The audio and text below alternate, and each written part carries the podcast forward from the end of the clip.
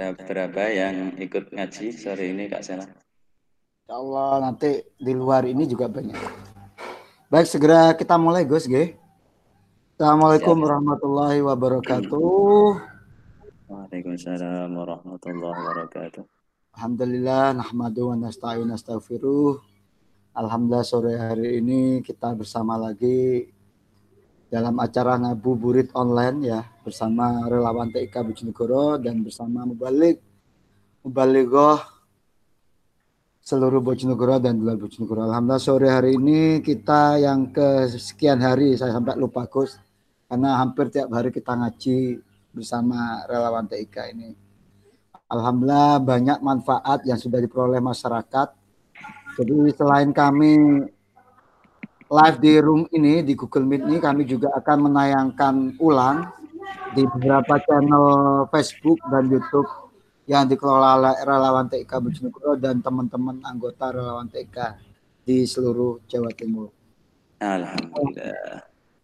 Alhamdulillah sore hari ini kita akan ngaji dengan tema utama materi dari keluarga bahagia yang sangat cocok sekali di saat-saat seperti ini Gus ya, di mana isu-isu perceraian meningkat di Bojonegoro dan sudah dikategorikan zona ungu sama teman-teman kemarin ya. Alhamdulillah para pemirsa, para jamaah semua sore ini kita bersama beliau Muhammad Nurul Burhan atau yang lebih dikenal dengan Gus Burhan. Beliau adalah pengasuh Pondok Pesantren Al Bahrain Padangan Bojonegoro. Beliau juga sebagai wakil ketua RMI Bojonegoro. Ngapunten Gus, RMI ini kenapa Gus kalau boleh tahu Gus? Ini Persatuan Pondok-pondok Pesantren dalam naungan Nahdlatul Ulama. Oh, oke okay, Gus. Siap Gus. Alhamdulillah sore ini kita akan segera mendengarkan tausiah beliau. Jadi nanti jenengan tausiah Gus secukupnya terserah jenengan nanti dilanjutkan dengan interaktif mungkin dengan saya dan beberapa jamaah nanti kita interaktif ngobrol tentang sekitar tema utama kita sore ini. Baik sebelum kita mulai marilah kita berdoa agar niat baik kita, ibadah kita, puasa kita, terawih dan ibadah-ibadah lainnya selama bulan suci ini diterima oleh Allah Subhanahu wa taala. Ala hadiniyah Al-Fatihah.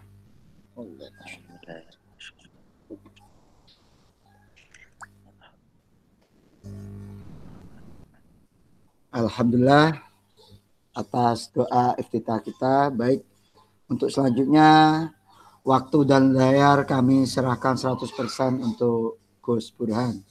Allahumma sholli ala Muhammad. Allahumma sholli alaihi. Terima kasih Kak Sela. Assalamualaikum warahmatullahi wabarakatuh. Bismillahirrahmanirrahim. Alhamdulillahi rabbil alamin. وبه نستعين على أمور الدنيا والدين ثم الصلاة والسلام على أشرف الأنبياء والمرسلين سيدنا ومولانا محمد وعلى آله وصحبه أجمعين لا حول ولا قوة إلا بالله العلي العظيم أما بعد ingkang dipun dening Allah. Masyarakat kaum muslimin muslimat se-Indonesia yang berbahagia. Alhamdulillahi Rabbil Alamin. Sore hari ini tiba giliran saya Muhammad Nurul Burhan dari Pondok Pesantren Salafiyah Al Bahrain Bengkok Padangan menyampaikan materi yang berjudul keluarga bahagia.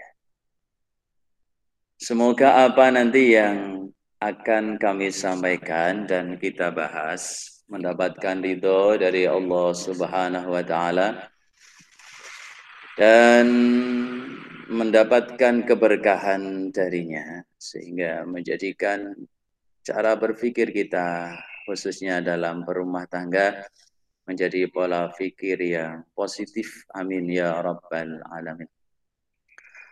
Kedua kalinya salam salam untuk Rasulullah Muhammad sallallahu alaihi wasallam teriring doa semoga kita semuanya dalam berumah tangga termasuk golongan orang-orang yang ikut dalam sunnah Rasulullah Muhammad sallallahu alaihi wasallam sehingga yang kita kerjakan selama berumah tangga benar-benar mendapatkan pahala dari Allah sehingga berhak mendapatkan syafaat Rasulullah Muhammad sallallahu alaihi wasallam. Amin ya rabbal alamin. Hadirin wal hadirat, kaum muslimin wal muslimat se-Indonesia yang dimuliakan Allah. Bahagia adalah hak asasi manusia. Karena hakikat manusia terlahir di dunia adalah untuk bahagia. Namun prakteknya banyak sekali orang yang susah mendapatkan kebahagiaan. Sehingga umur yang singkat ini terkesan akan lebih singkat lagi. Dipersingkat dengan kesusahan kita. Oleh karenanya Allah Subhanahu wa taala memberikan resep bagi kita semua untuk mendapatkan kebahagiaan di dunia tidak lain tidak bukan caranya adalah dengan membentuk rumah tangga yang bahagia. Hadirin al hadirat seluruh jamaah yang dimuliakan Allah di waktu kita kecil mesti kita tidak mikir segala hal tentu kita bahagia semua keinginan kita dicukupi oleh orang tua kita. Rasanya banyak sekali bahagianya daripada tidaknya. Kemudian masuklah kita di era kita harus membina rumah tangga. Yang mau tidak mau sudah menjadi sunnatur rasul. Oleh karenanya dalam berbahaya, dalam berumah tangga, mari kita tata rumah tangga kita ini menjadi rumah tangga yang bahagia sehingga benar-benar menjadi apa yang didauhkan oleh Allah Subhanahu wa taala dalam firman-Nya Quran surah Ar-Rum ayat 21 mohon waktunya akan dibacakan sore hari ini oleh adik saya Ahmad Sohibul Izar kepadanya dipersilakan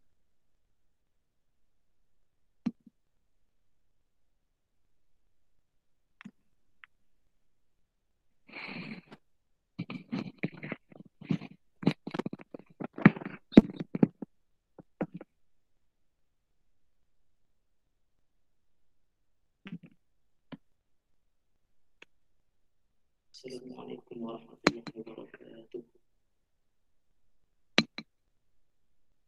أعوذ بالله من الشيطان الرجيم.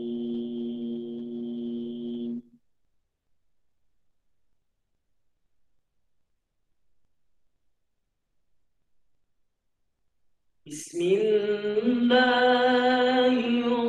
الرحمن الرحيم.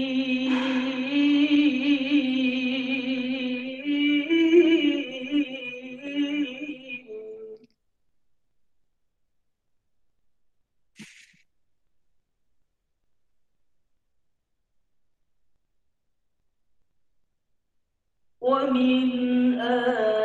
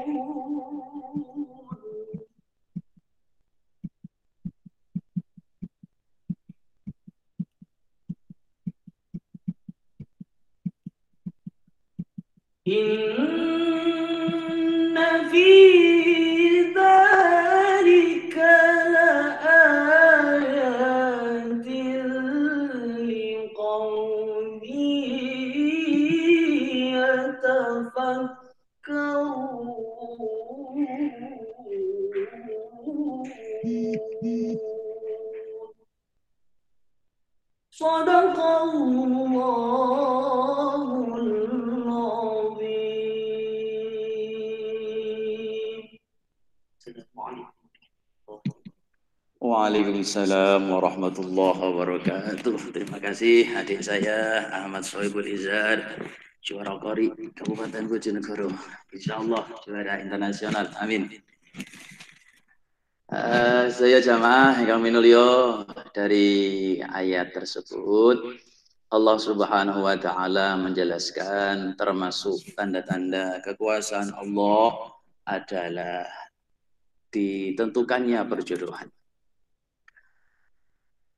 Dalam pembahasan awal ini, memang hakikatnya jodoh itu ditakdirkan oleh Allah. Tapi kita tidak boleh patah semangat untuk mencari jodoh kita. Karena Rasulullah Muhammad Shallallahu Alaihi Wasallam juga jauh karena sesungguhnya seorang wanita itu dinikahi ada kalanya karena cantiknya, karena nasabnya, karena hartanya, juga karena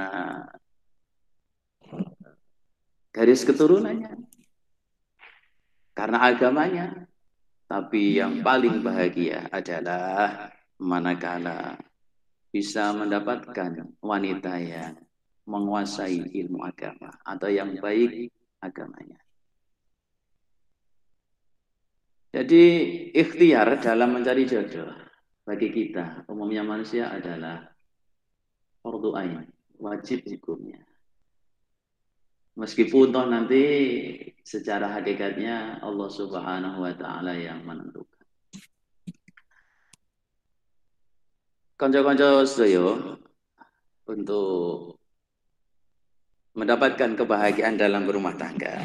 Yang perlu saya sampaikan yang pertama adalah mari kita mencari calon jodoh kita yang terbaik. Tentu saja sebagaimana yang disampaikan Rasul tadi, kalau bisa kita cari yang zatidin yang baik agamanya. Karena agama itu bisa menetralisir segalanya. Contoh ngenten. Nah, Kang Sela ya tadi ya. Menghadapi masalah jika dihadapkan dengan dihadapi dengan agama atau dengan nafsu, ketemunya beda. Kita nikah misalkan dengan seorang santri misalkan dengan latar belakang pendidikan agama. Misalkan jenengan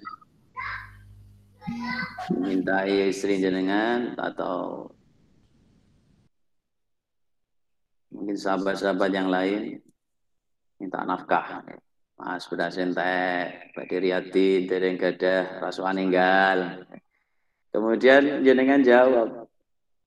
Aku yo seneng dik belanjani jenengan. Cuma yo iki memang durung ono sing belanjani ketika istrinya datidin ketika istrinya mempunyai pengetahuan agama yang cukup maka akan ikhlas menerima. Manjen nggih rezeki niku takdiri Allah enak. Tapi manakala mboten dadi din seorang wanita maka akan menggunakan logika dan emosinya. Oh iya mas. Kok ngelanang wajibannya belonjoni kok. Sampai ra gelem belonjoni aku. Sama dosa. Nah, akhirnya rumah tangga akan berantakan, akan kegeran karena yang jadi pengendalinya adalah nafsu, bukan agama. Dari ayat tersebut kita kembali, Kak Sela. Tujuan pernikahan adalah litas kunu ilaiha, agar hati menjadi tenang, menjadi bahagia. Setelah kita memilih calon yang tadi faktor yang kedua kita kerjakan adalah ta'alum, karena banyak sekali sekarang rumah tangga itu dasarnya bukan karena diawali dengan pengetahuan tentang rumah tangga yang cukup. Tapi hanya berdasarkan syahwat semata. Jadi ada dua faktor. Satu adalah faktor ekonomi dan dua adalah faktor biologis. Ekonomis misalkan sing digoleki calone sing sugih, sing mapan, warisane akeh, habis nikah kemudian morotuane mati dada kan oleh warisan akeh. Faktor ekonomis. Atau yang kedua faktor biologis sing ganteng golek sing ayu, sing ayu golek sing ganteng. Terus nasibnya sing elek-elek sinten sing badhe nikah. Gitu. Keras, keras Gus. Ale sing digoleki sing mapan sedaya. Waduh, nasibnya pengangguran iki. Sudah tertekan lahir akan tertekan batin iki. Sing sae niku wae Gus. Pripun? Soke mati mendadak. Nah niku sae. eh nanti doa kita ya di ujung-ujung acara nanti doa kita. Ya semoga jomblo-jomblo ya di kantor jodoh yang terbaik kalau amin amin. Oke faktor yang ketiga yang perlu kita siapkan adalah kita hindari kita jauhi sementara adat istiadat adanya perjodohan kak saya karena saya ini termasuk orang-orang yang tidak begitu setuju dengan adanya persaudaraan. Oke, kita kutip satu dawuh di Nasoihul Ibad yang biasanya ini dipakai dasar orang tua untuk memaksakan perjodohan anaknya. Mungkin konco-konco bisa ikut memantau di Nasoihul Ibad itu didawukan bahwasanya al-ajalatu minasyaitan. Bahwasanya sifat tergesa-gesa itu bagian dari setan. Illa fi khamsi mawadhi'ah kecuali dalam lima hal. Fa innaha min sunani Rasulillah sallallahu alaihi wasallam karena sesungguhnya lima hal ini termasuk beberapa sunnahnya Rasul. Yang pertama adalah it'amid dhaif idza nazala. Satu memberi makan tamu ketika memberi hidangan lah ya, memberi hidangan tamu ketika memang betul-betul tamu itu singgah. Yang kedua menyegerakan untuk pemulasaraan jenazah ketika sudah benar-benar dinyatakan sudah mati. Kemudian yang ketiga adalah tazwijul binti ida balagat. Yang ketiga adalah menikahkan anak wanita ketika sudah balik. Lah di sini Kak Sela yang sering digunakan argumen oleh kebanyakan orang tua adalah menyegerakan ini dengan tanda kutip memaksa. Jadi ini wong Jawa nenunen nek dilamar ojo gampang nampe nek ketampe. Gimana ya sila? Oh, Akhirnya jodoh seadanya. Pokoknya yang pelamar pertama itu yang diterima. Padahal pelaku rumah tangga itu kan anaknya, bukan orang tuanya. Akhirnya konyol. Ya. Akhirnya konsep bahagia ini benar-benar ya harus kita tekankan lah dalam acara sore hari ini. Semoga bisa motivasi orang tua. Jodoh niku tinakdir Allah, bukan mesti harus jodoh yang pertama. Bisa jodoh yang kedua, yang ketiga.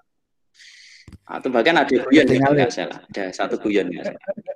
Dia ada seorang kiai. Ini lah ya tetap punya kiai karena dulu kiai itu ya santri Begitu habis nikah satu tahun, sowan kiai ditanya, "Piye cung rezekimu, cung?" Seret kiai. Wah, nikah mana? Wah, akhirnya nikah lagi. Ya. Motivasinya bagus tuh. Ya, ini hanya cerita lagi. Kemudian nikah lagi, dapat setahun panggil lagi. Eh, cung rezekimu, cung. Nah, saya seret ya. Wah, nikah mana? Wah, akhirnya tiga kali ya. Yang ketiga ini ternyata rezekinya lancar. Bukan berarti saya menyuruh untuk nikah tiga kali loh mas ini. Ini maksudnya dalam hal jodoh tadi, barangkali mungkin jodoh yang terbaik itu yang datangnya bukan yang pertama, tapi bisa mungkin pelamar yang kedua, yang ketiga. Harus selektif dalam memilih jodoh sampai benar-benar itu ditakdirkan oleh Allah Subhanahu wa taala. Oke untuk prolog Kak Cela mungkin cukup atau mungkin ada yang bertanya atau mungkin butuh diperjelas? Oke Gus, sangat jelas sekali ya. Udah yang saya tangkap tadi ini dari catatan saya itu eh, hakikat manusia itu harusnya bahagia kan gitu ya Gus ya. Nah, terus berumah tangga itu merupakan sunnah Rasul gitu ya.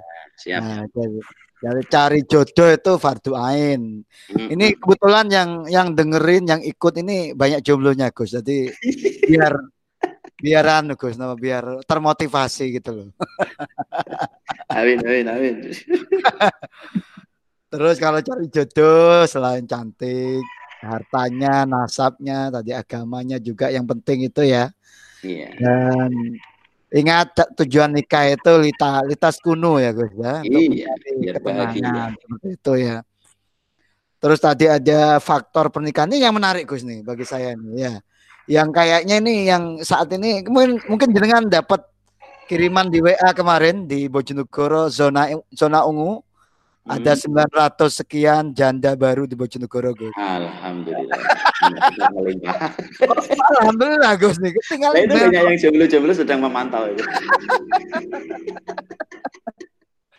ada faktor ekonomi kan gitu biologis lah kayak so ngempet segera nikah aja ya daripada berzina gitu ya Iya. nah yang menarik ini adat istiadat Gus ini yang yang terang kan saya pendatang di Bojonegoro Gus ya saya dari dulu kan asli saya Pasuruan nih.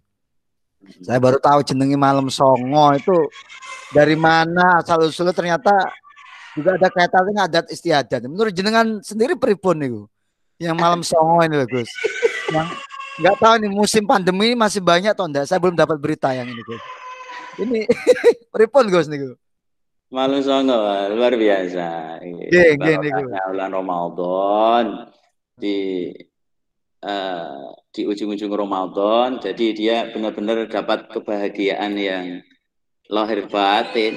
Puasanya selesai, hari raya, kemudian juga statusnya hari raya juga. Daripada nikah di awal Ramadan bahaya itu Kak. Jen, jen, Ngempet ini gue loh, sing kesuwen.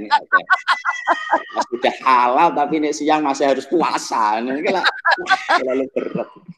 Kalau Jen, malam jen. songo kan bentar lagi hari raya. Wis bebas tanpa hambatan. betul Jadi betul sekarang los gak rewel gitu. Cela.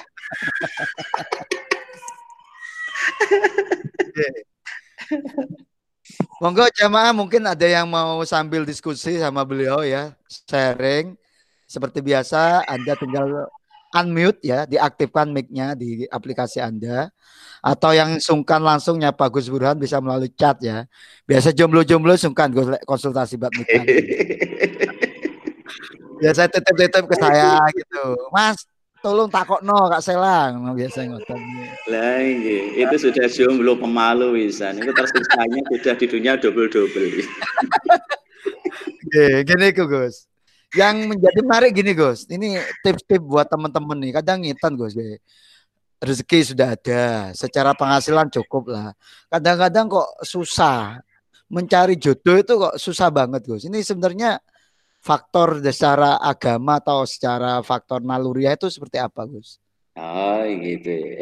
Oke, Faktor menghambat datangnya jodoh. betul ya. Oh iya. Banyak ini teman-teman saya juga ngalami itu. Nikah ini kok kayaknya susah. Padahal dari seksi penghasilan juga mapan, sehari pekerjaan juga udah mapan. Kok gak nikah-nikah apa apa sih penyebabnya ngoten lho Gus kira-kira itu. Faktor pertama satu. Kenapa kok jodoh belum ketemu? Karena yang jelas jodoh itu mukafaah. Secara umum jodoh itu seimbang. Jadi Allah kan nggak pernah dolim kepada hambanya. Allah nggak pernah aniaya terhadap hambanya. Kecuali memang beberapa hamba yang ditakdirkan oleh Allah mulia derajatnya sebab pasangannya ini tidak seimbang.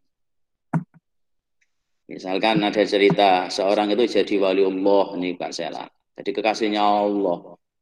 Sebabnya karena dia punya istri yang cerewet. Ya. Sekarang Kak Sela pengen jadi kekasihnya Allah enggak ya? Kok langsung ke cerewetnya tuh Gus? Ya, ini kaitannya yang tidak seimbang tadi maksudnya. Iya iya iya iya iya iya ya. oke oke. Akhirnya sampai singa macan niku takut Kak Sela.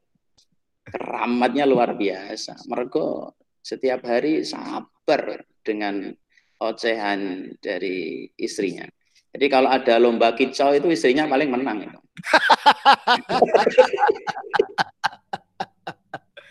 Ini rata-rata kok bapak-bapak kayaknya mengalami itu deh Gus. Akhirnya singkat cerita itu diberikan keramat oleh Allah. Pekerjaannya, profesinya itu cari kayu bakar di hutan. Saking keramate ini, sing beto kayu bakar ini ku macane. Masa. Singkatnya cerita, di tahun kedua, istri yang pertama tadi meninggal dunia. Ini innalillah apa? Alhamdulillah. Dia dapat istri yang kedua ini luar biasa. Taat, penurut, manut sangat. Tapi mergo manut ini ku, kamu kafaah berarti seimbang. Mergo sing lanang ya solih tadi. Akhirnya keramatnya hilang nggak salah. Singone hilang, gak nurut. Akhirnya uh, cari kayu bakar, pulang dibawa sendiri. Wah, Masya Allah. Jadi enak bojo sing cerewet apa sing manut gak salah? Ya, cerewet manut, Gus. Berarti nggak bawa nggak bawa bawaan jadi wali nih berarti. Jadi secara konsep umum jodoh itu mukafaah, jodoh itu seimbang. Nah, Seimbang. kebanyakan kita cari itu yang terlalu muluk-muluk. Oleh Oh. sing putih, tuh, Pur. pinter, Kulune dawa, kulune dawa. Kulune dawa, duwite akeh, gak duwe butuhan, kan repot ya. Iya iya iya iya. Padahal sing lanang iku wajahe glowing ngono kok, gulune ireng. Glowing ireng maksudnya, Gus. Wis pendek, wajahe ruwet ya. Golek sing model ngono kan ngenteni besok ning swarga. Akhirnya jodohnya nggak ketemu-ketemu. Jadi satu jelas faktor mukafaah, faktor keseimbangan. Kita cari nggak usah ruwet-ruwet lah yang sepadan, sebanding dengan kita. Teori saya mudah, kita nggak usah cari yang terbaik, tapi cari yang pas aja insya Allah jadi yang terbaik loh Kak Sela. Cari yang terbaik misalnya ayu. Kita sedangkan secara ekonomi nggak kuat. Ragati kan larang nggak salah. Rekoso malah. Eh, Insya Allah dengan cari yang pas saja itu akan jadi yang terbaik. Allah sallallahu Muhammad. Faktor yang kedua, karena terlalu kita dominan dengan logika kita, dengan ikhtiar kita, kita lupa berdoa. Dikira berdoa itu hanya urusan anak yang soleh ketika sudah rumah tangga. Itu tidak. Bahkan ketika jomblo, masih remaja, kita minta kepada Allah didekatkan jodoh kita. Biar kita nggak susah-susah cari jodoh. Faktor yang ketiga, termasuk penghambat rezeki, adalah banyak dosa. Ya, mungkin terlalu banyak mengecewakan orang tadi, sering PHP, ya. akhirnya jodoh yang nyata itu tidak ketemu. Mungkin tiga itu menurut saya yang di antara sebab-sebab susah ketemu jodoh. Baru kayak ngaji, sing, sing jomblo-jomblo deh, eh gak usah angel-angel, pokoknya cari yang pas dengan kita, insya Allah akan jadi yang terbaik. Nah, rungokno blo kuwi blo ya. Berarti kreatif sama Gus Burhan, cari yang sepadan. Yang kedua apa Gus tadi? Sempet Gimana? live saya Gus. Gimana? Yang pertama mukafaah yang sepadan, yang kedua tadi apa tadi? Yang susah cari jodoh tadi ya? Ya, eh. Kurangnya kita berdoa. nah itu ya Berdoa berdoa. kepada Allah. Ya, Donga. apik niku ketika kita tawasulan, ketika kita berada pada situasi yang baik. Sekarang kita nyantuni anak yatim, karo dungakno anak yatim, minta barokah anak yatim, nyun diparingi jero sing pas. Ah, betul itu. Hmm. Ya, rungokna bro ya, para jamaah yang masih jomblo yang berniat mau nikah ya, atau yang sudah ni- ni- niat nikah lagi? saya mancing gitu kok sampai neruskan tuh Gus. Nih, ini tadi ada pertanyaan dari Mas Rifaun Naim ya. Bagaimana kita bisa menikmati menjadi keluarga bahagia di setiap hari sampai akhir hayat Gus? Ini ini minta minta tips ke sampean. Nek iso eh, sampai walaupun ketemu yang kayaknya tadi sampean istri-istri yang apa tadi sampai singanya nurut tuh Gus. Pripun? Ini tipsnya ini Gus kayak minta bagaimana kita bisa menikmati menjadi keluarga bahagia di setiap hari sampai akhir hayat. Monggo yang lain yang mau nanya-nanya melalui chat juga bisa. Monggo silakan sambil dijawab oleh beliau. Monggo Gus. Ini Kak Rifaun Naim ini statusnya apa ini Kak Sela? Sudah nikah mau nambah lagi itu kayaknya. Amin. Konsep sederhana, biar kita bahagianya langgeng. Eh, menurut Sayyidina Ali begini, saya cuplik.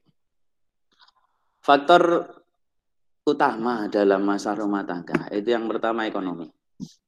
Ini tanda kutip sudah ketemu jodohnya loh ya, Asela ya. Ya, ini kita bahagia dengan pasangan kita loh maksudnya, bukan bahagia dengan pasangan orang lain. Oke, oke.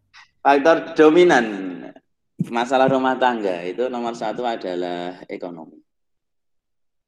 Banyak kan itu. Seperti sekarang maraknya perceraian itu ya dasarnya ya ekonomi itu. Oleh karenanya Sayyidina Ali berpesan. Ini menunaikan kanjeng Nabi yang terkenal cerdas itu ya. Pesan yang pertama, seorang pria, suami lah ya, itu yang baik adalah suami yang loman. Loman itu apa kak Sel? Ya, bral-bral Gus bahasanya Oke. Jonegoro ini. Mungkin ya. Bral-bral, Nyah nyoh. ya. nyah-nyoh. Nyah-nyoh. Nyah-nyoh. Nah, sebaliknya istri yang baik itu yang primpen, jangan yang nyah nyoh. Karena nyon sewu, ketika laki-laki ini loman, dermawan, insya Allah rumah tangga bahagia. Alasan sederhana, Kak Sela. Mergo wong lanang karo wong wedok niku butuhane jelas akeh wong wedok. Jenengan sepakat apa tidak? Sepakat pol gitu. Sepakat. Kita bandingkan kopi ae jenengan kare jilbab sing estri. Kira-kira kata putih. Oh, kata sing istri, modelnya Oh. kata kok. Jilbabe. Jilbabnya tiap minggu ganti. Tapi kopi ae sing lanang setahun pisan niku kadang ganti. Em- Empun nyindir Gus, empun nyindir. Tapi kopi ae jenengan enggal gitu kali. Nggih nembe enten sumbangan iki. Oke, sekejur tubuh nih atas sampai bawah. Ini kalau diamati, masya Allah, kebutuhannya istri itu nggak sebanding dengan kebutuhannya suami. Baru jilbab turun ke bawah, nganggo celak alis, niku yo wong wedok, wedaan niku yo wong wedok, gak salah. Wedak niku lho gak salah. Hmm. Apa-apa. Beda-beda. Awan, Kok sampean hafal nemen ya Gus? Ngetutno blonjo. Nggih, nggih, nggih, nggih. Ya Allah. Tigo iso Masya Allah, nggih, nggih. jadi ini anti ultraviolet. Bawa neh wong Oh, nggih. ajarannya anti petir barang nggak salah.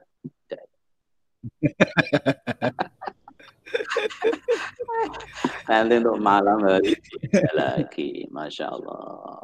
Oke. Baru beda, sabun beda nggak salah. Untuk wajah beda, untuk ketiak, kelek beda.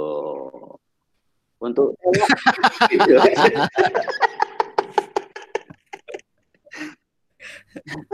Nggih, nggih, nggih, nggih, nggih. Iku ya ibu-ibu. Niki mungkin ibu-ibu Bungkus. yang ya ketawa-ketawa. Kroso. Iya. Bu Husnatul nggak boleh tertawa ya, Bu Oh, ya. Kalau niku nate Kak Sela berangkat ngaji. Nggih, Susu kan jadwalnya mepet. nggih. Wah, ndelalah saya riat niatnya seraup cuci muka ngono ae. Dadak keliru saya pakai sabun yang kanggone cawi niku Kak Sela. Wah, subhanallah. Subhanallah. Rasanya pripun Gus niku? Langsung kenceng kabeh ngoten. Rapet Kak Sela. Niku baru sabun Kak Sela. Waduh, belum perhiasan. Mulai telinga, leher, sampai kaki itu. Sikil-sikil itu digelangi lek wong itu. Nek wong lanang aduh insyaallah.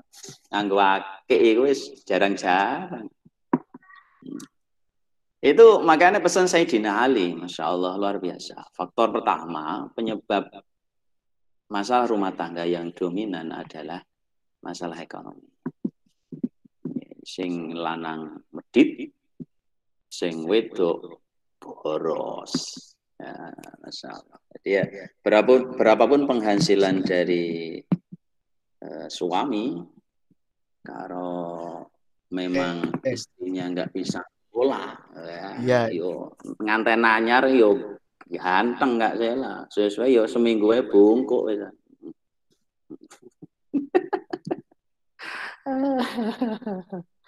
Oke, itu faktor yang pertama adalah faktor ekonomi.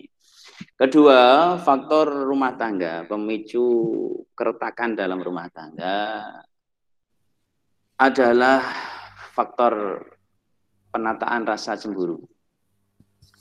Nanti Sayyidina Ali niku dawuh.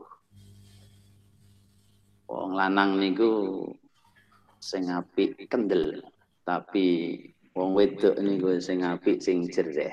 Jereh niku napa? Penakut. Ah, nek wis wong wedok niku jereh, akhirnya ke mana-mana ya minta antar suami. Masalah kebalik, misalnya sing jaler, sing lanang niku jereh, lewat kuburan mengkorok, metu bengi gak wangi. Tapi sing lanang pendekar, eh apa sing wedok pendekar misalnya ya, kendel banget. Akhirnya menyebabkan fitnah Kak Sera. Ke mana-mana Oke, oke. tanpa didangi, dampingi muhrim, tanpa didampingi suami. Ini mungkin nanti dari ibu-ibu ada yang bisa kita mintai pendapatnya ya Kak Sela. Kira-kira coro ibu-ibu metu antenan, hajatan. Kira-kira luwes seneng diterno bojone tapi gak disangoni. Nopo milih metu dhewe tapi disangoni. Kok kok angel ngoten nih pilihannya Gus iki.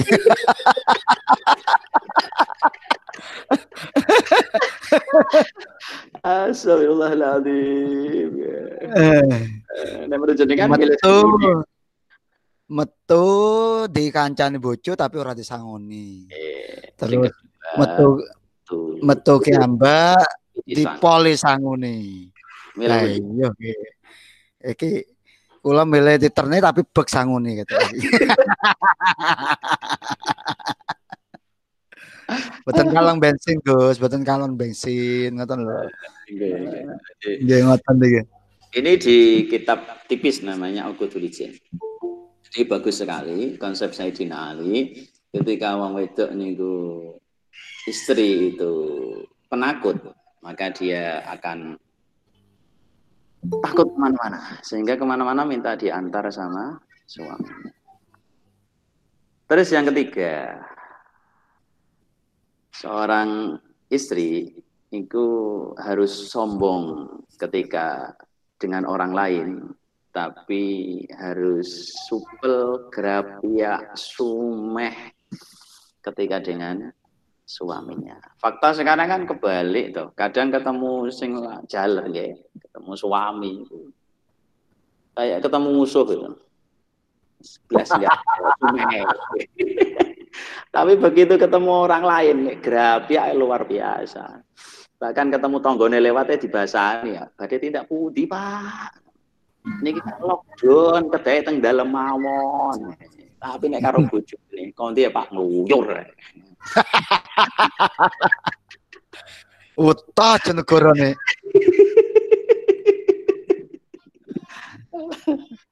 Masya Allah. Tiga hal ini ya konsep dari Sayyidina Ali memberikan wejangan kepada kita agar rumah tangga kita ini bahagia. Betul. Kita hindari hal-hal yang menyebabkan pertikaian dalam rumah tangga. Kalau dikembangkan lagi dengan konsep Rasulullah maka ada konsep.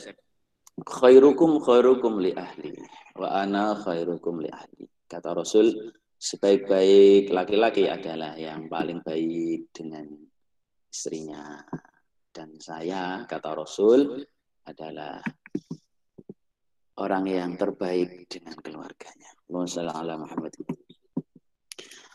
Fakta kadang masya Allah seorang suami karena mungkin ya faktor masalah dari luar kerjaan ruwet, situasi panas, akhirnya masalah dalam luar dibawa ke dalam rumah. Akhirnya wong lanang gawanane ngamuan. Mungkin saja dari para sahabat-sahabat sekalian yang menyimak obrolan kita sore hari ini. Kadang yang dipakai alasan pembenaran seorang suami membentak istri itu karena dia merasa pemimpin dari istrinya. Sehingga merasa menguasai, memiliki dari istrinya. Padahal sebenarnya tidak. Dan nanti kita bahas kalau masih ada kesempatan bagaimana hakikatnya seorang pemimpin dalam rumah tangga. Ya. Insya Allah.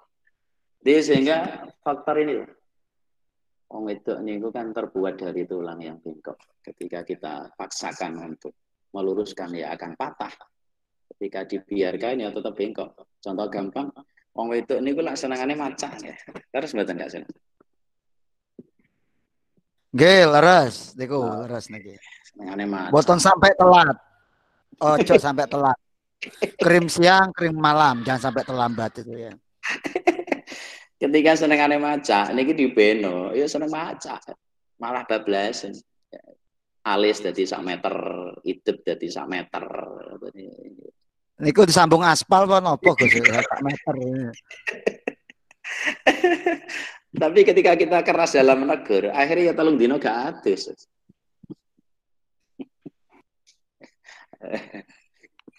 Oleh karena perlu santun dari suami dalam menjadi pemimpin bagi istrinya.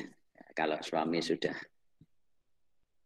keras, itu biasanya akan terjadi masalah dalam rumah tangga. Maka itu niku perasaannya kuat. Dibentak itu ya healing selawase.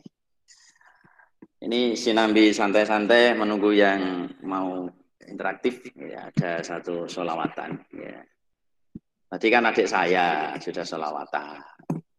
Adik e suaranya ngono tuh gak salah. Dah neo kakak. Percaya tak mboten?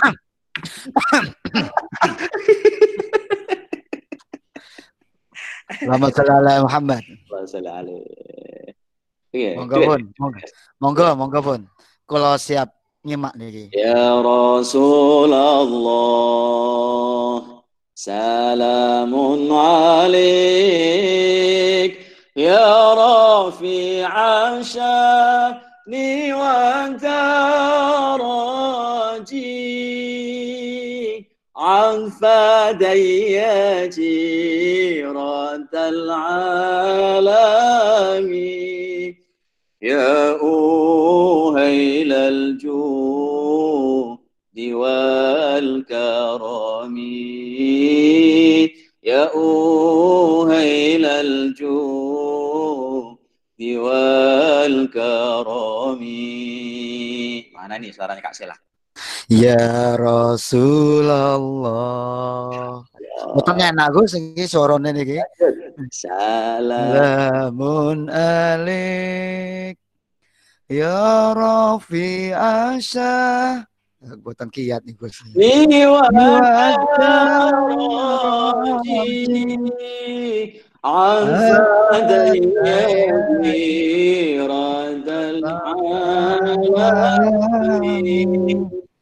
Ya Uhailal Jum Ya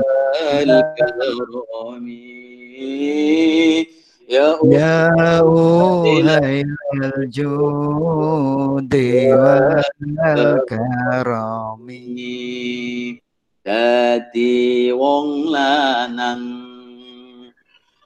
Jogala gala Salah saidi Omongi sengah Enten boten Nggih. Tangane ngeplak sikile. Apa? Oh, Pak. Rumah tanggane dadi rusak. Rumah tanggane dadi rusak. Ya Ya Rasulullah Salamun alaik ya rafi'a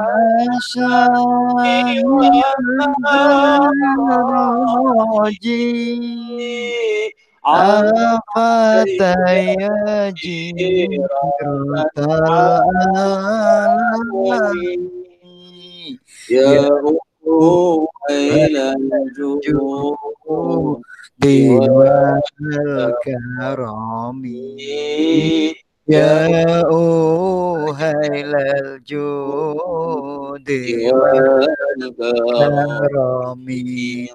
Allahumma salli alaih Untuk Mas Rifaun Naim mungkin ada sanggahan atau Ah. atau pertanyaan lanjutan atau yang lain Ya. itu versi Sayyidina Ali Matur nuwun Gus, sangat jelas sekali itu ya. Apunten Gus nih kamera saya saya matikan karena sinyal di rumah susah sekali Gus. Nanti- berarti butuh sedekah ya. Nggih di desa Gus maklum pinggir gereng nih lho, ngeri aku lho. Nggih. Nah, ini Gus menyambung dari tadi ya topik-topik yang luar biasa tentang eh se- seorang laki-laki itu mestinya kendel, wanita itu jereh ngoten nggih. Gerabak. Nah, ini saya pernah dengar cerita dari sekian. Saya saya lupa nih. Bener enggak? Sayyidina Umar yang dikenal di Singa Padang Pasir itu kalau di rumah ya sama istrinya katanya ya manut Gus. Itu pripun? Bener boten iki sejarah itu Gus. Oke, terima kasih Kak Sela. Nggih.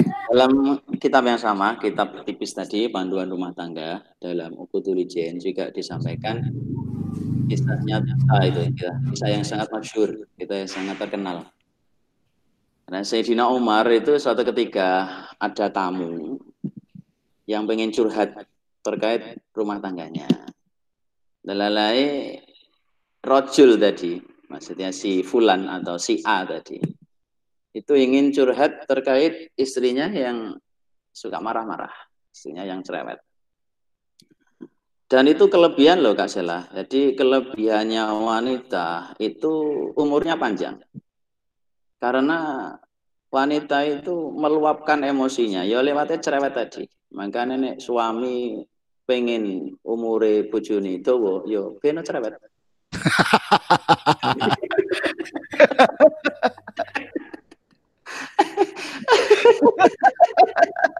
Rata-rata wong wedok niku nek cerewet umure dawa gak salah. Heeh. Maka Iki matikan istri. ibu-ibu, niki ibu-ibu lek ndelok rekamane mesti protes Gus niki. Sing lanang-lanang ngerasan wedok iki mesti. Lah, kelebihan suami ketika punya istri yang cerewet itu akan ada peluang untuk menjadi kekasihnya Allah. Cuma ya itu kelemahannya. Biasanya wong lanang itu nek bojone cerewet, umure ora dawa.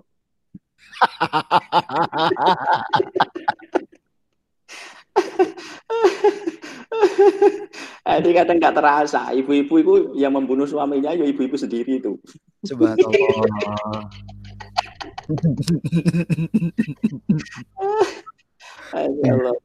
Muhammad. Salale. Oke, oke. Oke, kita lanjutkan. Dalam kisah itu memang eh, niat ingin curhat tentang istrinya itu. Ini termasuk ngerasani yang boleh itu minta fatwa itu Kak Sel. Jadi menggunjing ngerasani ini kan termasuk hal yang membatalkan pahalanya puasa. Tapi ada menggunjing rasani ini saya ngoleh. Ketika meminta fatwa. Fatwa. Seperti pemuda ini ingin meminta fatwa kepada Sayyidina Umar, kan otomatis ngerasani istrinya.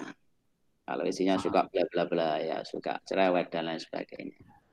Hmm. Akhirnya di depan pintu dalamnya Sayyidina Umar, si Fulan ini terhenti, ya kaget. Ternyata Sayyidina Umar yang dengan tadi jangankan manusia gitu. Setan, jin dan sak bala-balan ini mau takut. Tapi ternyata Sayyidina Umar hanya terdiam ketika istrinya itu meluapkan isi dari hatinya. Akhirnya si pemuda ini, si Fulan ini hendak pulang. Enggak jadi madul lah bahasane. Cara batine awak dhewe, lah iya wong sing raja wae ngono karo bojone. Hanya terdiam. Mosok aku sing gak raja. Apa mau bersikap yang lebih dari itu. Akhirnya tidak mau pulang memalingkan tubuh dipanggil kali Sayyidina Umar. Hai fulan, eh fulan, kenapa? Apamu? Ada lapo? Mau apa? Apa mau apa? Hajatmu apa? Masya Allah. Anu Sayyidina Umar, kula niat sowan dateng jenengan niku pengen madul tentang istri kula. Istri kula niku cerewet, ngamuk, ngambek dan lain sebagainya. Tapi kalau dugi mriki semerap piyambak. Ternyata jenengan nggih diamuk kalih garwane jenengan, tapi jenengan mendel mawon. Terus akhirnya kalau batin, lah nek jenengan mawon sebagai rojo khalifah niku kados ngoten. Masuk kula mboten ngoten. Akhirnya dijawab kalian Sayyidina Umar. Nah ini mungkin motivasi bagi saya sendiri atau mungkin bagi sahabat-sahabat yang lain. Alasan Sayyidina Umar sangat sederhana.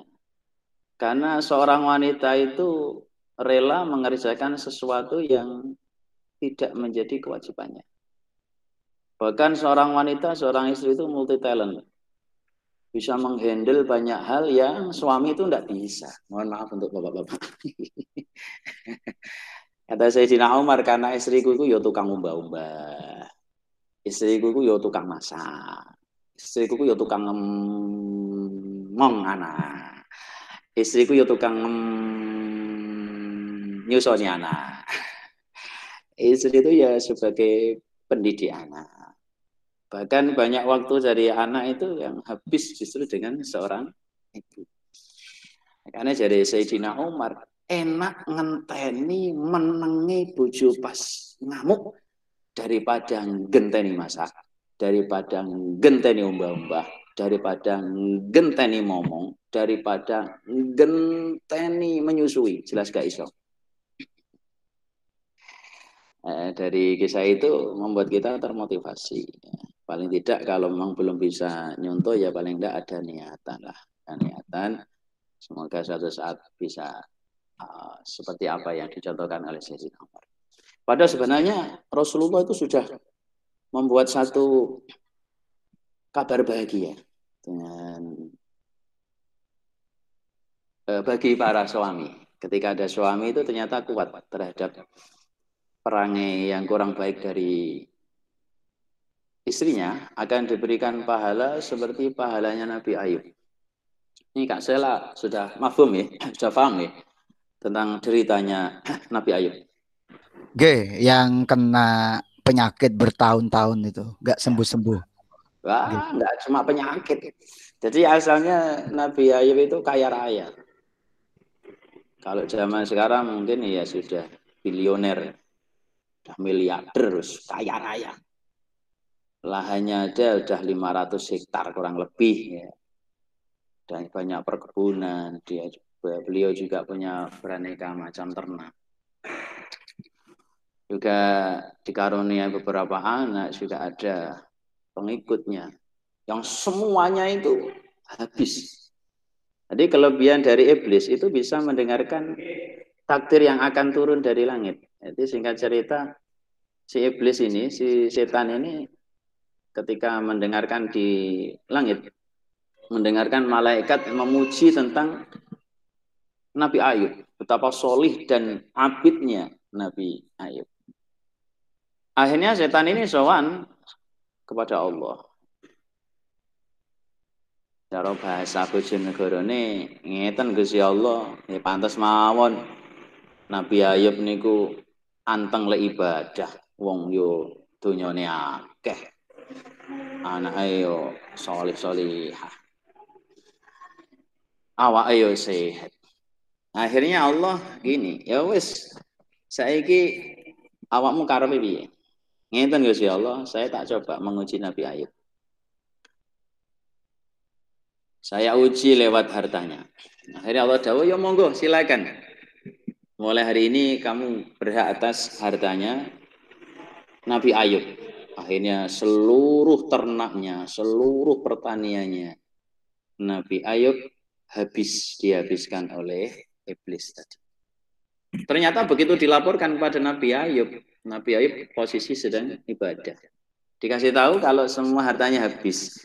Nabi Ayub hanya bilang Alhamdulillah karena semuanya ini pemberian Allah dan sekarang diambil alih oleh Allah. Nah, ini cara kula niku ora ngetokno niku gak salah. Wong kena lockdown, ceramah jadwalnya batal wae inalilah. Pun curhat Gus. Pun curhat. Sami akhirnya ya ini ngaji dengan relawan ini RTIK ini. Eh, sami-sami relawan. Nah, Alhamdulillah. Eh. Gimana mau kalender biasanya bunder dan saya silang. biasanya malam sama ngijab noping puluhan ini belas. Langge kan niku Gus. Jadi ini dunyanya telas. Nomor satu memang ujiannya Nabi Ayub hartanya habis. Ternyata ketika habis dijumpainya Nabi Ayub ini tetap ibadah kepada Allah. Akhirnya iblis gak terima. Soal lagi ke Allah. Ya Allah, kalau pengen nyuwun malih keturunan Nabi Ayub. Akhirnya betul katanya Allah dawa Allah, oke, okay, saya kuasakan keturunan Nabi Ayub kepadamu. Betul? Akhirnya keturunan Nabi Ayub di istana, istananya dirobohkan oleh iblis, kemudian sowan ke Nabi Ayub, Nabi Ayub, anak-anakmu sudah mati, istanamu hancur, kata Nabi Ayub, inna lillahi wa inna ilahi rojiun. Semua keturunan dari Allah akan diambil oleh Allah. Kebetulan keturunan saya lebih dahulu daripada saya kan pati mboten sing semerap to niku Kak Sela. Kadang wonten mbahe sik sehat, putune dijupuk dhisik. Kadang Masya Allah, tonggone sing nom-nom iku wis dicukup Allah. Dia sing mbah-mbah kelewatan terus. Gak mati-mati. Dan saya ini ketika Nabi Ayub diuji karena keturunannya diambil. Jawabnya hanya singkat, inna lillahi wa inna ilahi rojiun tetap dalam ibadah. Gak terima melih nih, akhirnya suan melih nih kepada Allah. Ya Allah, saat ini kula nyuwun kesehatannya Nabi Ayub setelah hartanya habis, anak turunnya habis, niat ingin mengambil kesehatannya Nabi Nabi Ayub. Dawuh Allah, oke, okay, sekarang kesehatan Nabi Ayub saya serahkan kepada Mublis kecuali hati dan lesannya serta akal sehatnya. Akhirnya betul ketika Nabi Ayub sujud disebul kalian iblis. Akhirnya gatel kemerotok. Ya, mungkin menawi ini gini cara saya ini sila santri gudi kene iku gak saya lah. penyakit gudik niku mutawatir sanate iki. Mulai zaman Nabi Ayub wis gudiken nih. Kadang-kadang nggak nggak logisnya gini loh Kak Sela. Kadang di pondok itu bersih. Di tempat kami alhamdulillah air itu nggak sampai nginep, jadi langsung begitu dipakai langsung habis. Itu nyatanya ya masih ada beberapa santri yang gatel. Sedangkan jenengan angen-angen pemulung di bawah kolong jembatan. Niku kira-kira karo pondok niku bersih pundi Kak Sela? Nggih, lek pondoke diresiki nggih bersih pondok, Gus. Ya jelas bersih pondok gitu. Tapi nyatanya ini Masya Allah yang sering di follow up adalah santri niku gudikan. Gud- Gudiken, nggih. Masya Allah. Nah ini termasuk ketika diserang penyakit niku gatal sekujur tubuh sampai dikisahkan eh, habis semua tubuh Nabi Ayub. Tapi tetap ibadah nang Gusti Allah kan beda kados kula sing muni ngeten niki. Nek lara untuhe maca Qur'ane prei. Meripat niku nek dienggo ngitung dhuwit receh bar ngisak sampai rolas bengi kuat maca Qur'an.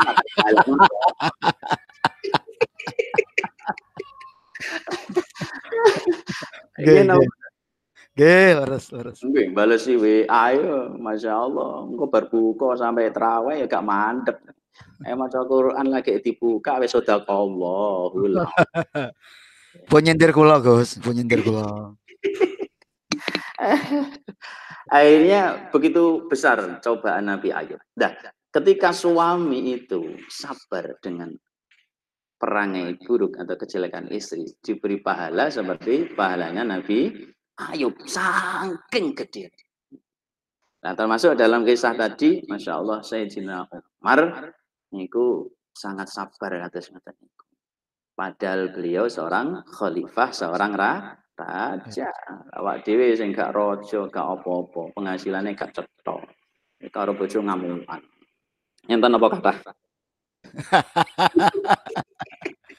Tapi dari kisah itu anu nggih, Gus. Ada juga peran istri beliau, Nggih. Nabi Ayub yang setia walaupun dia sakit kan ada itu di kisah kisah lengkapnya kalau nggak salah itu ada seorang istri juga yang setia menemani beliau ketika sakitnya separah apa pun itu. Oh iya, dalam kisah itu hanya istrinya yang setia, namanya Rahma itu. Setia banget mengantarkan sampai dikucilkan itu dari penduduk kampungnya, penduduk desanya. Dikucilkan, nggak ada yang mau mendekat, hanya istrinya yang setia. Makanya betul loh ada lagu yang istri saleha itu, masya Allah. Hanya istri yang beriman bisa dijadikan teman dalam tiap kesusahan selalu jadi hiburan. Alhamdulillah. Pak Torioyo rekaman Gus. Amin amin amin. Eh, Kalian Ertik mangke. P Kang Zen rekaman Kang Zen. Kali Kang Zen iki manajer ini manajer. Oke. Makanya dalam beberapa kesempatan saya bilang istri yang soleha itu limited edition. Stoknya terbatas. Karena tidak setiap tahun diproduksi. Allah ala Muhammad. Allahumma alaihi. Kemauan nih yang jomblo-jomblo dapat istri yang solehah. Syaratnya yo jumlahnya yo harus soleh biar mukafaah biar seimbang. Oke. Oke, ada pertanyaan lagi? Masih lanjut apa sudah break? Nah, Oke, itu tadi topik di pengantar awal. Nanti dilanjutkan dengan ini Gus tadi sebagai seorang pemimpin keluarga. Tadi Ah. sampai menyampaikan sesuatu tentang tips menjadi seorang pemimpin keluarga atau leader di keluarga tadi. Oke. Oke. Ya, Oke, insya Allah semampu saya. oke, monggo. Langsung sekarang. Anu habis sahur mawon Gus.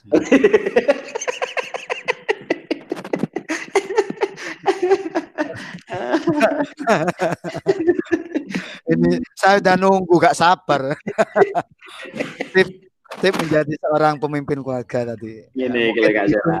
Ini cara dengan online ini yo mau balik mau balik ya gak oleh gula karo kopi ini gak sih. Biasanya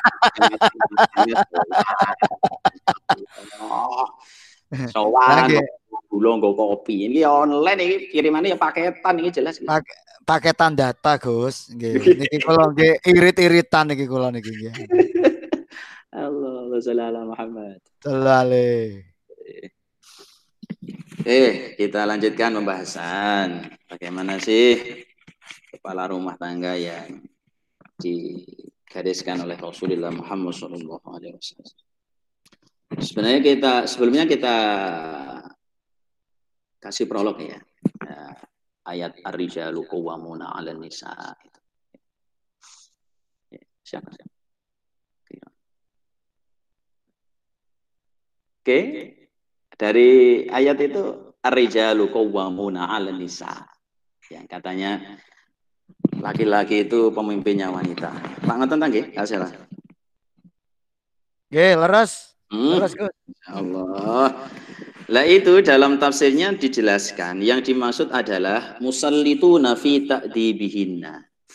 Jadi laki-laki itu suami itu pemimpin dalam urusan memberikan akhlak contoh yang terbaik bagi istrinya, bukan penguasa. Sampai di sini bisa dipahami? Contoh ya. Contoh ya Gus ya berarti ya. Berikan contoh. Oke. Okay, ya. Ini. Kenapa Allah Subhanahu wa taala menyatakan dalam dawuhna ar-rijalu qawwamuna. Laki-laki itu yang memberikan contoh dalam pendidikan istrinya. Karena laki-laki itu secara syariat dan hakikatnya punya kelebihan yang pantas untuk memimpin istrinya. Dalam sudut pandang kenyataan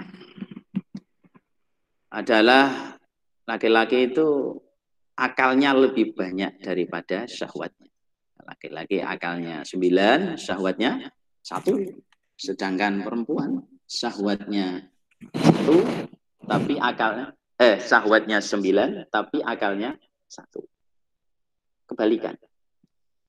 Sampai dikatakan oleh Rasul, didawuhkan oleh Rasul, andai seorang wanita itu tidak ditutupi dengan sifat haya, sifat pemalu. Maka seorang wanita itu tidak akan ada harganya. Karena yang bisa menutupi kekurangan dari syahwatnya yang tinggi tadi adalah ditutupi dengan rasa rasa malu. Laki-laki akalnya sembilan, syahwatnya satu. Sedangkan wanita syahwatnya sembilan, akalnya satu. Ini nek menurut Kak Sela. Jenengan memantau nggak ada info tentang perselingkuhan seperti itu? Ada nggak? Oh banyak, banyak Gus, banyak.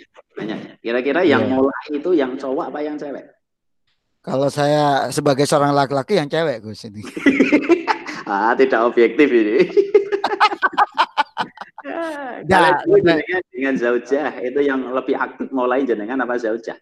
Ya laki-laki Gus biasa. Oh ya jelas karena akalnya banyak. Bisa ya. banyak bahan gitu. Betul kan? Iya. Betul. Eh, takon Gus, takon nih. Itu yang mulai ya cowok karena akalnya itu banyak. Tapi nyun sewu, sing ngetek sinten enggak salah. Sing ngetek. Kok ngetek? ngetek ya cewek karena sahabatnya sembilan itu tadi. Enggak. Dalam rumah tangga, makanya laki-laki lebih condong baik daripada wanita. Ini menurut Allah karena ya dibekali akal tadi. Tapi nyusun saya ya, ayat ini jangan diarahkan ke politik ya, ya. Ini kita dalam urusan rumah tangga. Sedangkan wanita, ibu ini biasanya lebih condong dengan perasaannya. Biasanya anak sing nurut itu lebih disayang daripada anak yang gak nurut. Lurus nama betul? G, G, leres. Nah, itu kalau jadi pemimpin dalam rumah tangga repot. Itu soal kelebihan akalnya. Kemudian kelebihan tenaga. Jangan lihat bodi wanita dan bodi pria sebagai seorang pengamat. Itu nggak salah. Podo nopo beda. Benten tuh Gus, Gus. Wah, niki kalau jujur buatan niki.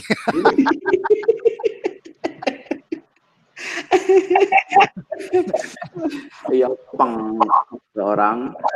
Iya. Tapi jadi wong itu niku anu membalas ya tanya Kak Sela. Yo ya kuat wong wedok, nyatane wong wedok hamil iku sangang wulan gak ono sing ganteni. Oh, terpaksa kok niku. terpaksa. Ora oleh dilereni yo ya dilereni, esuk disaleno sing ngubungi tinggone.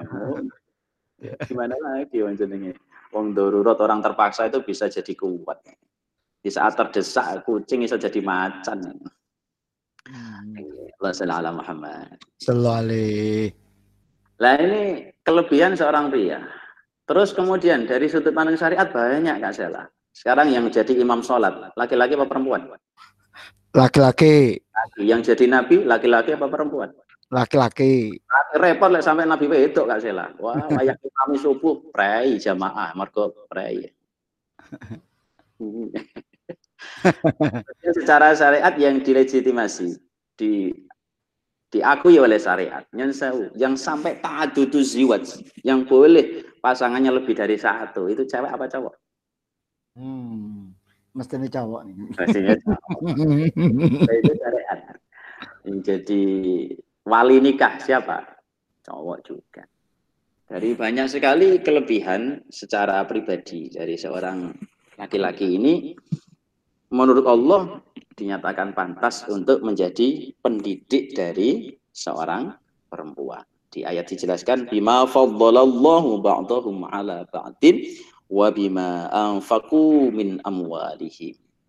Dijelaskan karena laki-laki walaupun sedikit pernah memberikan nafkah kepada seorang istri. Allah sallallahu Muhammad. Lale. Meskipun dalam keseharian nanti dalam rumah tangga, delalai yang bekerja, yang produktif adalah istri. Tapi suami ini punya kelebihan yang tidak bisa dimiliki oleh seorang istri. Apa? Memberikan mahar. Ini diakui oleh syariat. Ima anfaku min amwalihi. Pernah memberikan mahar. Nah, nah masa ono itu memberikan mahar. Mahar kan permintaan istri. Dan sekarang pemberi dengan penerima itu mulia mana? Oke, oke, oke. Halo, Kak Sela masih hidup ini? Masih, Gus, masih. Ter terpesona saya. Oke, berarti kan mulia yang pemberi. Iya, mulia laki-laki. Terus uh, Bima faddalallahu ba'dahum ala ba'din tadi. Tadi kelebihan yang sudah disampaikan tadi. Di kelebihan akalnya. Karena secara syariat juga diakui. Juga laki-laki memberikan mahar sebagai penebus lah paling buatan ya, dari kehormatan seorang wanita. Allah sallallahu Muhammad. Sallallahu Akhirnya layaklah seorang laki-laki itu menjadi pemimpin dalam rumah.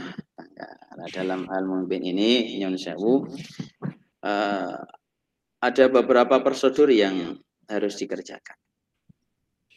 Didaukan dalam ayat tadi, fasalihatu qanitatun hafidhatun lil ghaibi bima hafidhallah dan seterusnya. Prosedur jadi istri adalah harus solehah, taat, harus kona, bisa menjaga harga diri dan hartanya.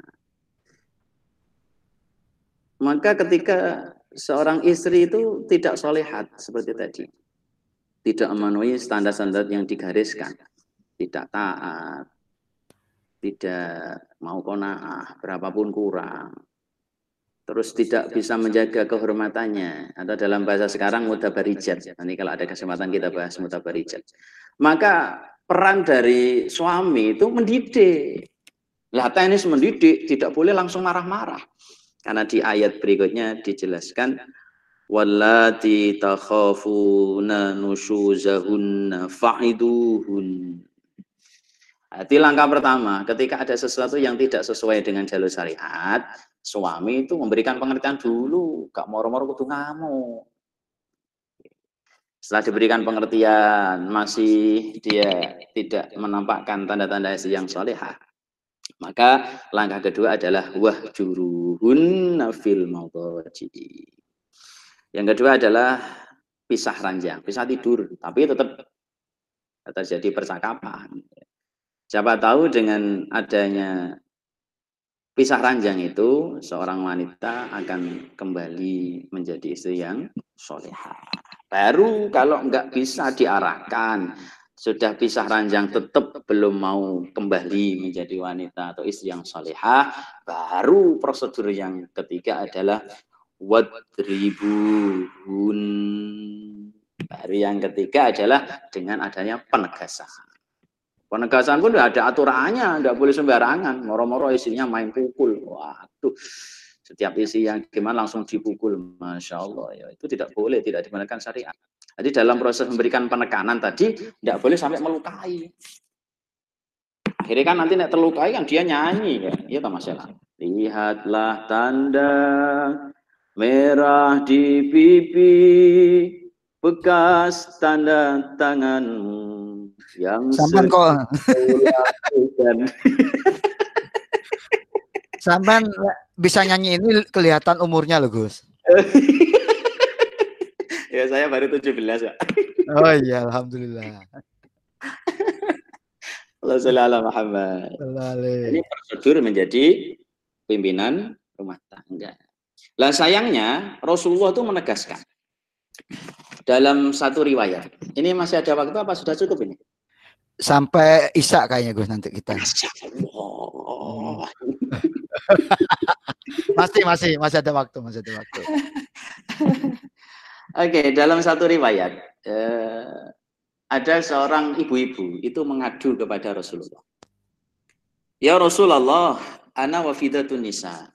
Ya Rasul, saya ini utusan seorang wanita. Saya ini utusan dari seorang wanita. Saya mengadu kepada panjenengan tentang keadilan secara syariat. Seorang laki-laki bisa mendapatkan pahala yang besar dalam syariat mereka bisa jihad. Sedangkan wanita itu tidak boleh ada bagian, tidak ada bagian dari pahala jihad. Ketika seorang yang jihad kemudian terluka, ada pahala yang besar, sampai terbunuh dalam medan jihad, dia mati syahid, balasannya surga. Terus dari ibu-ibu kalau mau, sedangkan kami ibu-ibu dapat apa Rasul? Wong cuma masak wae, nggak mungkin terluka, paling-paling cuma kebledosan menutok pas goreng. Eh, kita nggak bisa dapat pahala seperti seorang suami apa ya dawuhnya Rasul? Masya Allah. Ablighi man laqaitin nisa anna ta'ata zawji wa iqtirafan bihaqqihi ya'dilu dhalikal jihad. Kata Rasul, sampaikanlah pada para ibu-ibu yang sekarang menyiapkan buka puasa baris suaminya. Sampaikanlah kepada ibu-ibu yang dapat kamu jumpai bahwasanya taat kepada suami dan mengakui tentang hak-haknya suami itu pahalanya sebanding dengan pahala jihad. Allah Muhammad. Jadi Kak Sela, Masya Allah, Wong wedok wis gak usah angkat senjata, cukup erok-erok karo sotil nih wis oleh ganjaran jihad. Nah, ibu-ibu lek ditakoki koncone, apa nih ibu? Sore-sore mulai apa jihad? ngangkat sotil erok Cukup ngangkat sotil karo erok-erok kebelodosan cedos iki soalnya ganjaran jihad. Jihad ya, subhanallah, sallallahu eh, itu sebagai suami itu pendidik. Dalam mendidik Al-Qur'an sudah mengatur cara-caranya tadi. Cuma karena dalam rumah tangga tadi faktor yang dominan pendorong rumah tangga adalah faktor ekonomis dan biologis tanpa ada pengetahuan tentang aturan rumah tangga, maka dia masalah tafsirkan. Akhirnya emosi yang didahulukan dengan bendera sebagai pemimpin. Pemimpin. Alhamdulillah. Allahumma dalam Jawa ini ditegaskan bahwasanya sebenarnya laki-laki dan perempuan soal pahala itu teorinya sama. Karena annal hasanata takunu bi asri amsalihha. Bahwasanya kebaikan itu antara laki-laki dan perempuan itu sama dilipat gandakan 10 kali lipat laki-laki ya 10 kali lipat perempuan ya 10 kali lipat cuma cara mendapatkan pahala yang berbeda. Suami menjadi pemimpin dalam rumah tangga, wanita menjadi orang yang dipimpin. Itu. Nah, soal kenapa laki-laki berhak menjadi pemimpin tadi sudah dibahas. Allah Muhammad. Seorang wanita mengakui mau taat kepada suami, mengakui hak-hak suami, maka pahalanya seperti pahalanya orang yang berjihad. Nanti eksklusif di ujung perjumpaan kita akan kita sampaikan pahala-pahalanya jadi ibu-ibu. Dari ibu-ibu semangat jadi uh, ibu rumah tangga. Mungkin yang jomblo-jomblo, yang cewek-cewek ingin segera menikah. Ya, Matur nuwun Gus. Ya. Ini ada ada pertanyaan nih dari peserta kita dari Bu Husnatul Mawaddah. Gus, Agak susah ini pertanyaannya. Gus, gimana caranya agar suami kita itu selalu memahami kalau istri itu butuh disayang, dipuji, kadang suami itu cuek. ini kayak sedikit sedikit curhat juga dari Bu Husnatul Mawaddah ini ya. Pripun nih sebagai laki-laki kita menyikapi itu Gus. Monggo. Oke, ini ada teori lagi, eh, Kak Sela. Iya. Kenapa laki-laki itu wataknya keras? Karena ada satu resep yang terkesan ini agak agak gimana ya? Tidak layak untuk disampaikan. Tapi dalam satu buku dari karangan Sayyid Maliki itu ada Islam Finidomil Usroh. Itu ada Dakbus Solihin, ada rekreasinya orang soleh yang bisa melunakkan watak kasar dari seorang suami. Apa? Adalah hubungan intim dari pasangan suami istri. Halo Kak Sela? Oke, masuk. Masuk. Nah, mungkin kalau laki-laki itu wataknya sudah kasar, yuk jatah kurang Kak Sela. Niki sakit dipertanggungjawabkan nggih pernyataan tadi. ini. Bisa. Eh, ya ya ya ya ya ya ya. Di satu kesempatan bisa ada datang. Masya Allah. Nah, kan nyun sewu kados kiai-kiai itu nggak perlu jalan-jalan Kak Sela, nggak perlu. Karena rekreasinya ada di rumah, baik di jannati. Tuh, sam, sampean kok malah cerita tuh Gus, Gus sampean ini. Setiap manusia punya rasa cinta yang mesti dijaga kesuciannya. Itu lagunya. Masya Allah, iki iki artis baru ya dari Bojonegoro ini. Perlu di perlu diorbitkan nih bareng teman-teman Ertik ini kayaknya ini. Sudah orbit cuma jenengan yang bacanya berita sudah kedaluarsa. Oke, carry Gus niki. Oke Gus. Salah Jadi yang pertama itu, yang kedua kenapa dalam ayat pernikahan Allah menjelaskan min anfusikum azwaja. Termasuk tanda-tanda kekuasaan Allah adalah dijadikan perjodohan dari jenismu. Maksudnya laki-laki perempuan, bukan kok tunggal jenis, laki-laki dengan laki-laki dan perempuan dengan perempuan. Itu salah mentafsirkan ayat untuk yang LGBT. Naudzubillah min dzalik. Itu maksudnya dari jenis kamu itu manusia dapat manusia. Karena fungsinya apa? Komunikasinya biar lebih mudah. Nah, kenapa pasangan suami istri seorang suami susah untuk mengerti dari seorang istri karena komunikasinya yang kurang baik. Dijelaskan waktu yang terbaik untuk komunikasi adalah setelah hubungan intim. Allahumma sholli ala Muhammad. Nanti Kak Sela dipraktekkan ya. Bolak-balik punan niku. Karena di saat itu pikiran jadi jernih, otot-otot sudah eh, saya kendu lah ya, urat syaratnya sudah eh, lemes bahasanya. Seorang suami mudah sekali untuk diajak berunding, diajak komunikasi. Nah, kadang repot kok. Dunungan ketika musyawarah, ketika laki-laki baru pulang dari kantor, masya Allah. Kondisi psikis tidak stabil sampai rumah langsung ya mesti air. Jadi tidak dapat satu penyelesaian, dapat satu bahan untuk menyelesaikan dalam urusan rumah tangga lagi adalah soal timingnya, ya, saatnya, waktunya tidak. Ngaten dari Mbak Tobu tadi Husnatul ya. Oke, oke. Menarik Gus sebenarnya pembahasan lain waktu moga-moga bisa silaturahim langsung ngobrol-ngobrol dan kalau bisa di live streaming biar umat ini semakin tercerahkan Gus ya. Amin, Dan amin. ini ini tema-tema sekarang yang diangkat nasional ini kita hidup di era new normal Gus bahasanya para Iya. para wong wong wong neng Jakarta lho, Gus kulo kan wong desa Gus Gimana? era oh, era new normal normal baru entah piye jadi jadi kayak kita saat ini bicara di di apa room chatting gini, room meeting ini udah normal era Hmm. sekarang ini kayak gitu ya. Jadi kita harus siap-siap menuju normal yang baru ini. Hmm, iya. Eh, sampai sampai ada kemarin guyonan tahu beneran nih nikah sampai pakai metode online ya saking nemennya Gus niku. Iya, iya, iya. Ya bisa, cuma kan penyaluran syahdat gak bisa online itu. Oke Gus, alhamdulillah ini sudah menjelang berbuka puasa dan di penghujung acara. Oke. Matur banyak untuk sharing-sharingnya. Lain waktu semoga kita bisa berkolaborasi lagi dengan relawan TK Bojonegoro.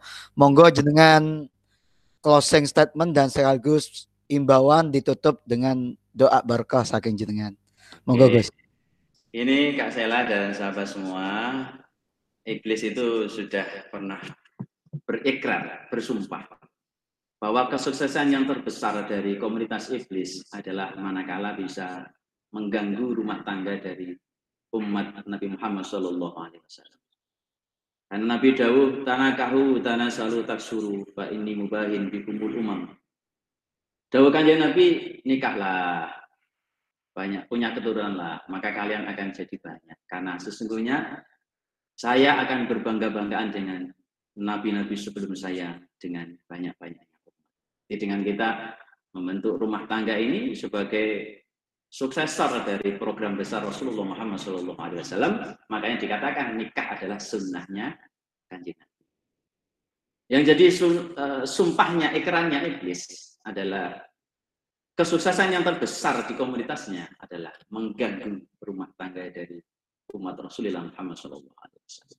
Sehingga tantangan besar bagi kita semua, umat-umat Muhammad, mari nikah ini kita jadikan sebagai media kita untuk ibadah dan benar-benar ikut sunnah Rasulullah karena tidak mungkin kita menghabiskan waktu kita dengan baca sholawat karena mungkin itu bukan bagiannya kita.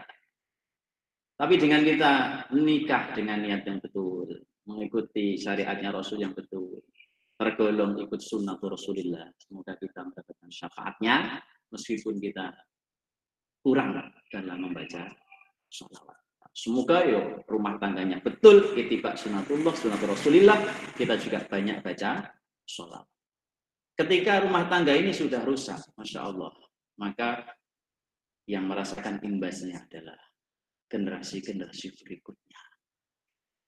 Karena untuk mari kita pertahankan rumah tangga kita, kita betulkan niat kita, kita perdalam keilmuan kita tentang rumah tangga. Sehingga dalam berumah tangga mulai awal sampai akhir benar-benar dapat pahala yang luar biasa di sisi Allah Subhanahu wa taala. Sehingga dengan ilmu pengetahuan yang cukup kita bisa mengerti bagaimana kewajiban menjadi seorang istri, bagaimana kewajiban menjadi seorang suami, bagaimana seorang suami dan istri bisa saling menghargai, bisa mendapatkan pahala yang besar dalam rumah tangganya, sehingga kebahagiaan itu benar-benar lahir dan batin. Oke, memang jodoh itu di tangan Allah, atas kekuasaan Allah, tapi manusia bisa mengikhtiari kebahagiaannya. Semoga lewat ngaji ini kita termotivasi barokahnya rumah tangga kita yang asalnya sengkerean mungkin kita jadi buku yang jomblo-jomblo mudah-mudahan dapat pasangan yang pas. Amin. eh, sehingga jadi eh, benar-benar membawa kebahagiaan yang hakiki. Nek wis gak bahagia musuhan karo tonggo iso lewat ganti jalur bisa. Tapi kalau rumah tangga tidak bisa karena setiap saat kita ketemu dengan pasangan kita. Sebagai motivasi terakhir monggo ibu-ibu semangat ya dalam menata rumah tangga. Mergo niku jihad panjenengan jenengan dengan masak nyuci baju ngomong anak dan lain sebagainya hamil sampai melahirkan niku punya pahala yang besar pahalanya sebanding dengan pahala jihad fisabilillah. Semoga kita semuanya ditolongi Allah, diberikan pertolongan oleh Allah, rumah tangga Amin. kita yang sakinah, mawadah, warahmah, jadi Amin. keluarga yang bahagia. Amin. Allah doa Bismillahirrahmanirrahim. Alhamdulillahirrahmanirrahim Amin. Sayyidina Muhammad wa ala ali Sayyidina Muhammad. Amin. Allahumma Muhammad. Allahumma ala Muhammad. Allahumma salli Muhammad. Allahumma farrij ummati Sayyidina Muhammad. Allahumma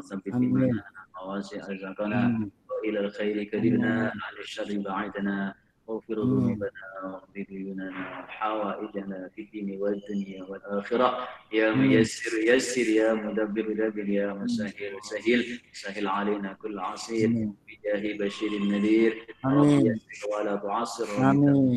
لنا بالخير اللهم اجعلنا وأولادنا Amin. وذريتنا وأهلنا Amin. من أهل العلم والخير Amin. ولا تجعلنا وإياهم من أهل الضير Amin. اللهم بارك لنا في أولادنا Amin. اللهم لا تضرهم ووفقهم آمين. لطاعتك وارزقنا برهم Amin. اللهم سلمنا يا الله Amin. في الدنيا وعذاب الآخرة Amin. ربنا آتنا في الدنيا حسنة Amin. الآخرة حسنة وقنا Amin. عذاب النار سبحان ربك رب العزة Amin.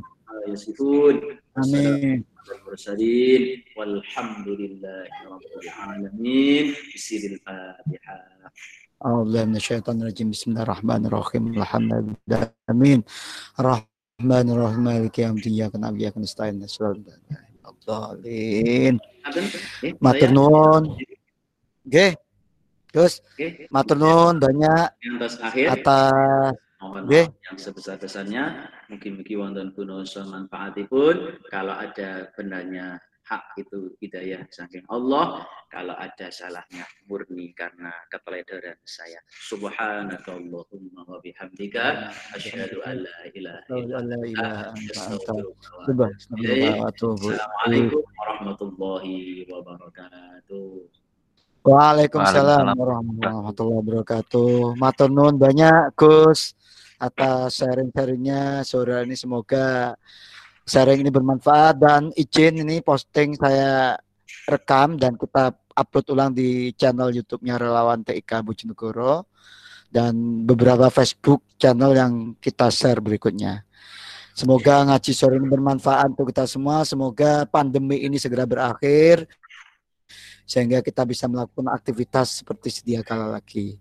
Akhirnya saya selaku moderator, jika ada salah-salah kata selama memandu, mohon maaf yang sebesar-besarnya. Asal ma asal ini Gus, silaturahim malih to teng pondok. Monggo disiapkan nanti insya Allah. Kelihatannya kangen ya dengan hidangan kemarin ini. Enggak, beda ya Gus. Saya beli di warung dengan di situ beda rasanya. Ya, Gus. sini gratis. Apa, Mbak? Oke, sekali monggo. closing, nggih. Oke, di saat pandemi seperti ini, kalau rumah tangga bahagia, insya Allah kita bisa stay at home dengan nyaman. Kalau rumah tangga Amin. tidak bahagia, rasanya berat untuk stay at home. Monggo, sekian. Oke. Terima kasih. Terima kasih